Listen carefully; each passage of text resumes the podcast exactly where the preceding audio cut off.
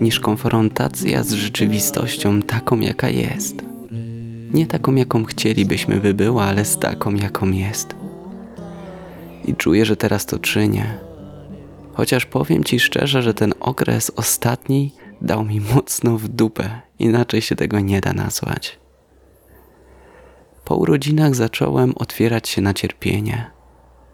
Zauważyłem, że przez wiele lat w ten sposób unikam bólu. Wykształciłem sobie niesamowite umiejętności niecierpienia. Myślę, że każdy z nas takie możliwości ma. Na co dzień używamy po prostu smoczka telefonu. Czujemy dyskomfort, czujemy ból, chcemy przyjąć, chcemy poczuć jakieś nowe emocje. Chcę poczuć przyjemność, więc włączymy Netflixa. I tak robiłem, myślę, że długo. Oczywiście były momenty, kiedy potrafiłem się skonfrontować. Jednak teraz zacząłem świadomie na to się decydować. Popełniłem w międzyczasie kilka błędów i chciałbym Ci o tym trochę opowiedzieć. Więc gdy zacząłem otwierać się na cierpienie, zdecydowałem świadomie tak, teraz będę cierpieć. I tak się tego trzymałem. Najśmieszniejsze jest to, że tak naprawdę ten ból mnie często przerastał i chciałem od niego uciec, więc dużo więcej, częściej zacząłem używać telefonu, oglądać Netflixa. Dodatkowo to, co się zaczęło wydarzać, to jest pojawienie się pewnej nowej autentyczności. Ponieważ pozwoliłem sobie teraz cierpieć, nie być tym radosnym Danielem, motywującym, inspirującym czy entuzjastycznym do wszystkiego, tylko pozwoliłem sobie być po prostu smutnym, trochę takim depres depresyjnym człowiekiem. I przez to, że tak mocno trzymam się cierpienia, wydarzyło się dużo rzeczy. Straciłem pracę. Jednak to był dopiero początek. Zaczęło się od tego, że osoba, którą się zajmowałem w Anglii, pod sam koniec mojej zmiany powiedziała mi, że musimy sobie zrobić przerwę.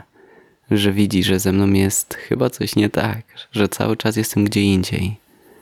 Że nie uśmiecham się, że po prostu jestem gdzie indziej i potrzebujemy przerwy. Można więc powiedzieć, że mnie zwolnił. Przyznam szczerze, nie poczułem bólu. Nie poczułem, że to jest coś złego. Moje ostatnie słowa do niego były, że jest to w sumie dobra decyzja, bo ja sam nie miałem odwagi, aby teraz zrezygnować z tej pracy i, i zająć się sobą, zaopiekować się, bo, bo jak pozwalamy sobie na okres, żeby wejść w największy strach, w największy ból i lęk, Potrzebujemy do tego dużo energii i czasu. I w sumie byłem mu wdzięczny, ale też zły, ponieważ miałem zupełnie inne plany. Inaczej widziałem swoją przyszłość. Chciałem pracować jeszcze do grudnia, zaoszczędzić na kampera, w styczniu już kupić kampera. Teraz nagle plany się pokrzyżowały. Nie wiem, co się wydarzy w przyszłości. Nie wiem nagle, czym się mam zająć.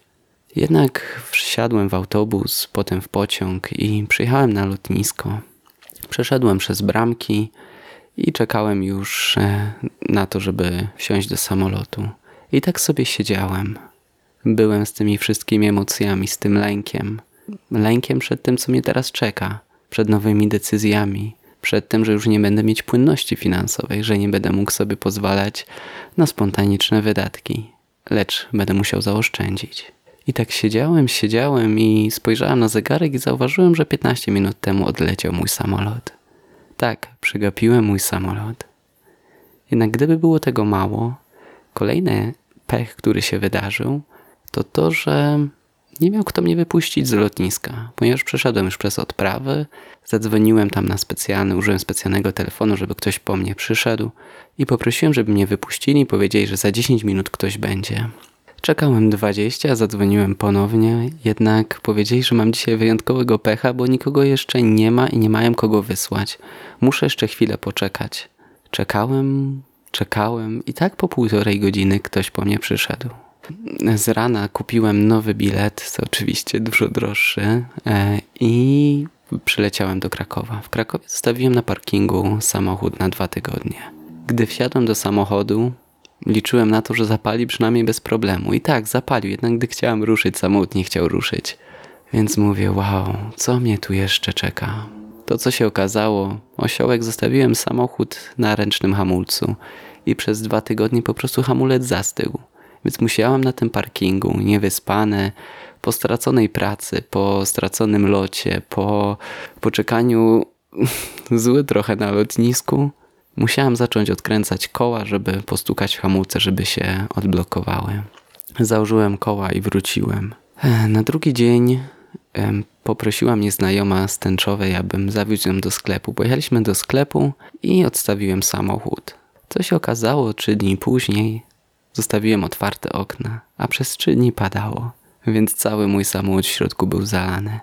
Jednak to, co mi się w tym momencie pojawiało, to poczucie, że chciałbym to zwalić na coś na zewnątrz. Na to, że może ktoś na mnie klątwę rzucił. Na to, że może przejąłem jakąś złą energię. Jednak nie pozwalałem sobie na to. Czułem, że jest jak jest. Opowiem Ci teraz historię, która często mi bardzo pomaga. Była to historia o farmerze, który miał stadninę koni. I pewnego dnia jego syn zostawił otwartą bramę i jeden z koni uciekł. Przyszli do farmera sąsiedzi, wielce załamani, mówiąc: Och, jakie nieszczęście, jakie nieszczęście, że uciekł ci koń. Och, farmer był mądrym człowiekiem, spojrzał na sąsiadów i mówi: Szczęście, nieszczęście, a któż to wie? I tak następnego dnia, co się okazało, na posesję farmera przyszło sześć koni. Tak, bo koń, który uciekł, przyprowadził kolegów, przyprowadził dzikie konie i wszystkie weszły do zagrody. Sąsiedzi nie dowierzali, przybiegli do sąsiada i mówi: Och, sąsiedzie, jakie ty masz szczęście, jakie ty masz szczęście. A sąsiad był mądrym człowiekiem i powiedział: Szczęście, nieszczęście, a któż to wie? Tego samego dnia syn poekscytowany postanowił, że zacznie okiełznywać dzikie rumaki. I gdy próbował okiełznać jednego z rumaków, niestety spadł i połamał obie nogi. Przybiegli znowu sąsiedzi, patrząc na syna, mówiąc: Och, biedny sąsiedzie, biedny farmerze, jak ty sobie teraz poradzisz? Jedyny twój syn połamał obie nogi. Jakie to nieszczęście. Jednak farmer mądrym człowiekiem był i powiedział: Szczęście, nieszczęście, a któż to wie? I tak kolejnego dnia, gdy farmer pił kawę, do drzwi ktoś zapukał. Za drzwiami stał wojskowy z listem, który mówił, że rekrutują teraz wszystkich młodych ludzi, ponieważ jest wojna, straszna wojna i muszą zabrać jego syna. Jednak gdy wojskowy zobaczył, że jego syn ma obie nogi połamane, powiedział, że niestety nie może iść na wojnę i musi zostać. I pojechał. Oczywiście sąsiedzi usłyszeli tą historię, przybiegli do sąsiada i mówią: Jakie szczęście, że twój jedyny syn został. Ale sąsiad mądrym człowiekiem był i powiedział: Szczęście, nieszczęście. A któż to wie? I tak, stracenie pracy, stracenie lotu, stracenie ogromnego czasu, wysiłku na parkingu, zalanie auta i mnóstwo innych rzeczy. Szczęście, nieszczęście, a któż to wie? Powiedziałem ci też, że popełniłem w tym cierpieniu trochę błędów. Pierwszym błędem było to, że trzymałem się swojego cierpienia. Nie pozwalałem sobie już na radość, bo mówiłem, że tak, otwieram się teraz na cierpienie. Zauważyłem to, jak zostałem zaproszony na mini przyjęcie do znajomej. Na samym początku po prostu siedziałem w kącie i użalałem się nad sobą. Przecież w końcu jestem na etapie cierpienia i będę autentycznie cierpieć. Jednak atmosfera się niesamowicie rozluźniła, dużo ludzi się śmiało i nagle poczułem, że coś się odblokowało. Przecież mogę sobie pozwolić się śmiać. Jednak nie zrobiłem wtedy tego świadomie. I zacząłem się chwilę bawić, jednak szybko przyszła do mnie myśl, ojejku, przecież miałem być smutny, więc wróciłem trochę do bycia ponurym. Wydaje mi się, że podobnie mają ludzie, którzy mają żałobę. Wiem, że żałobę trzeba przeżyć i nie wiem jeszcze jak tak naprawdę. Nie mam w tym doświadczenia. Wiem, że jest to na pewno bardzo ważne i pozwolić sobie na te cierpienie. Jednak widzę też po mojej cioci, która przechodzi ogromną żałobę. Ma straciła najbliższą, najbliższą osobę w jej życiu. Męża, który, z którym była prawie 60 lat. Cały czas trzymali się razem. Jednak jak były imprezy rodzinne, to jest zrozumiałe, że płacze, zrozumiałe, że jest na czarno. Jednak są też momenty, kiedy widać, że czuje się nieswojo, czuje się, czuje się źle z tym, że się nagle poczuje dobrze, że się zaśmieje, jakby to było jakaś wielka obraza. I myślę, że dużo osób nas też tego się trzyma. Trzyma się depresji, trzyma się cierpienia. I nie chodzi o to, żeby wyprzeć to cierpienie, tylko to, żeby nie wypierać szczęścia i radości. Fajny absurd. Ale niestety to u siebie zauważyłem. Dopiero później, podczas jednej z rozmów, uświadomiłem sobie, że jejku, przecież ja jestem taki osioł i cały czas trzymam się swojego cierpienia. Dodatkową rzecz, która się pojawiła, kolejna mądrość, która wyszła z cierpienia, była, było zaufanie sobie. Ponieważ w międzyczasie miałem też swój wyjazd, zaczyna medytować. I czułem, że muszę zachować się profesjonalnie. Muszę dać mm, siebie najlepszego, jakiego mogę. I starałem się po prostu trzymać w kupie. Robić swoje, trzymać przestrzeń. Być też autentyczny jednak to, na co sobie nie pozwalałem, to jest, że w momencie, kiedy byłem sam, kiedy była przerwa, to nie pozwoliłem sobie na cierpienie. Bałem się, że jak się teraz załamię, że jak się rozkruszę, to się już nie poskładam. Że za godzinę kończy się przerwa i co jak ta godzina mi nie starczy i wyjdę do ludzi zapłakany, roztrzęsionym głosem i nie będę mógł po prostu im pomóc. Okazało się to zbędne. Mimo, że pierwszego dnia to wypierałem już drugiego dnia na 15-minutowej przerwie. Poczułem, że muszę sobie pozwolić. Poleciały mi łzy i nagle poczułem się dobrze. Poczułem, że się rozsypuję. Jednak uderzył gong i mogłem się z powrotem wyprostować. I mogłem wrócić do pracy. To, co też zauważyłem, że w takich momentach ważne, żeby się sobą zajmować. Więc kolejną mądrością, która płynęła, to jest to, żeby zaufać sobie że można się rozsypać i zaufać, że się poskłada wtedy, kiedy będzie to potrzebne. Więc tak jak widzisz, z cierpieniem jest strasznie dziwnie. Jednak czuję, że bardzo ważna jest ta konfrontacja. Konfrontacja z rzeczywistością. Z taką, jaka jest. Nie z taką, jaką byśmy chcieli, by była, ale z taką, jaka jest. Zobaczyć siebie, zobaczyć swoje lęki. W międzyczasie wydarzyło się coś jeszcze. Poszedłem na górkę, gdzie czułem się bezpiecznie. I po medytacji poczułem, że żeby iść dalej, muszę zakończyć związek. Zadzwoniłem do Orsi i powiedziałem, że, że zrywam z nią. Chwilę jeszcze rozmawialiśmy. Gdy odłożyłem telefon, zaczął pojawiać się ogromny ból. Niesamowicie silny. Poczułem, że boję się go. Do takiego stopnia, że sam nie dam rady. Postanowiłem, że ponownie zadzwonię do Orsi.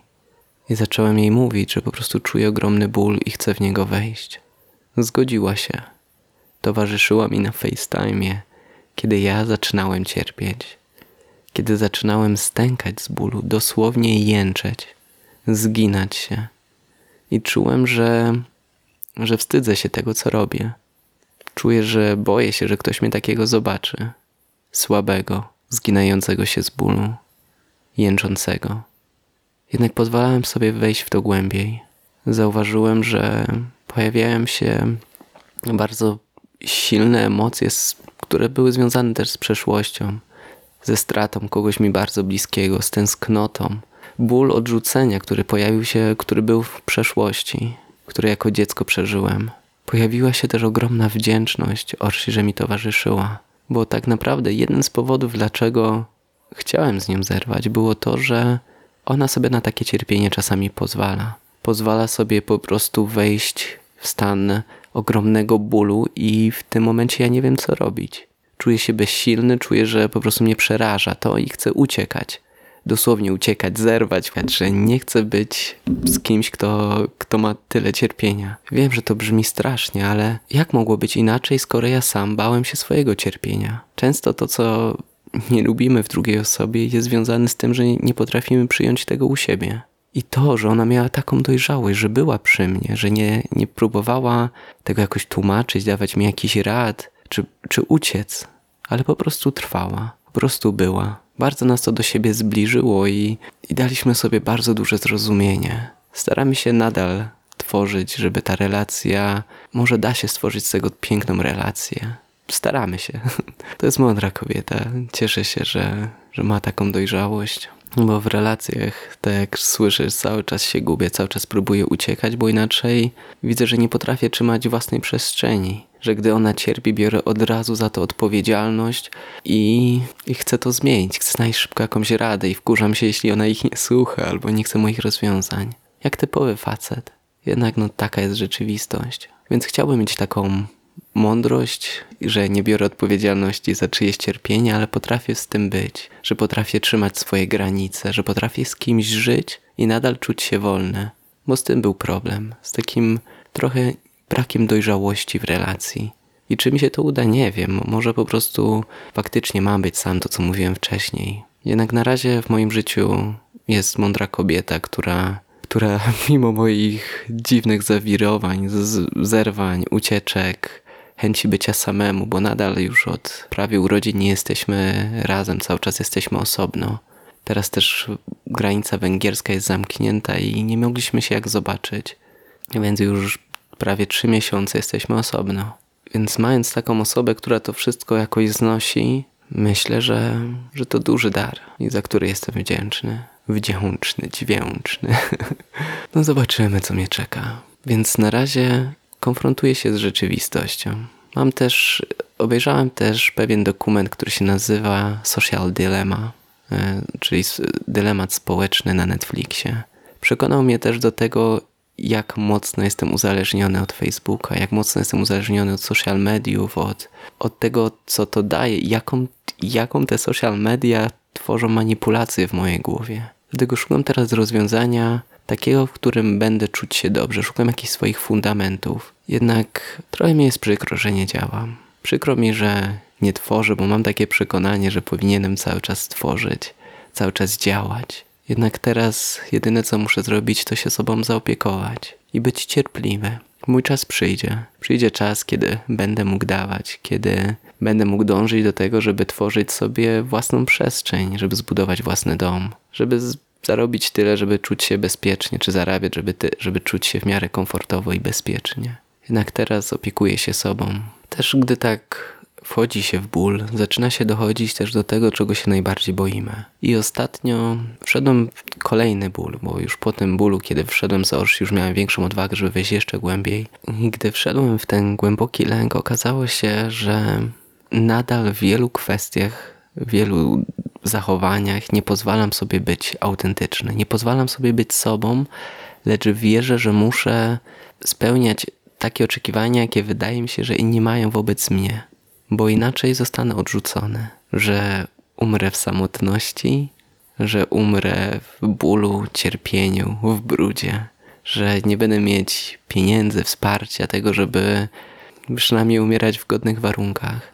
I ten lęk jest tak silny, lęk przed śmiercią, w bólu, cierpieniu, samotności, brudzie, jest tak silny, że nadal nie pozwalam sobie w wielu kwestiach konfrontować się z ludźmi, być autentyczny, być sobą. I tak, i to jest lęk, którym, z którym teraz jestem. Dziwna jest ta nasza psychika. Bo czy to jest prawda, że jak będziemy, że jak będę sobą, to umrę w samotności, w brudzie, w cierpieniu i bólu? Na chłopski rozum oczywiście, że nie. Jednak w głębi w sercu taki właśnie mam lęk. Na sam koniec po prostu życzę Ci odwagi do tego, żeby konfrontować się z tym, co jest. Nie z tym, jak chciałbyś, żeby było, ale z tym, jak jest. Zobacz tą rzeczywistość. Przyjmij to. Chociaż wiem, że nie będzie łatwo. Jednak to, co się zacznie pojawiać, to nowa, nowa perspektywa na cierpienie. A ta nowa perspektywa na cierpienie otworzy cię na, na świat, na życie, na wszystkie inne emocje. Bo wierz mi, że nie ma większego strachu niż strach przed samym strachem. Nie ma większego cierpienia niż strach przed tym cierpieniem. Więc nie uciekaj, nie produkuj sobie nowych, przyjemnych emocji, ale skonfrontuj się z tym, co jest. I tego Ci życzę. Namaste, przyjacielu.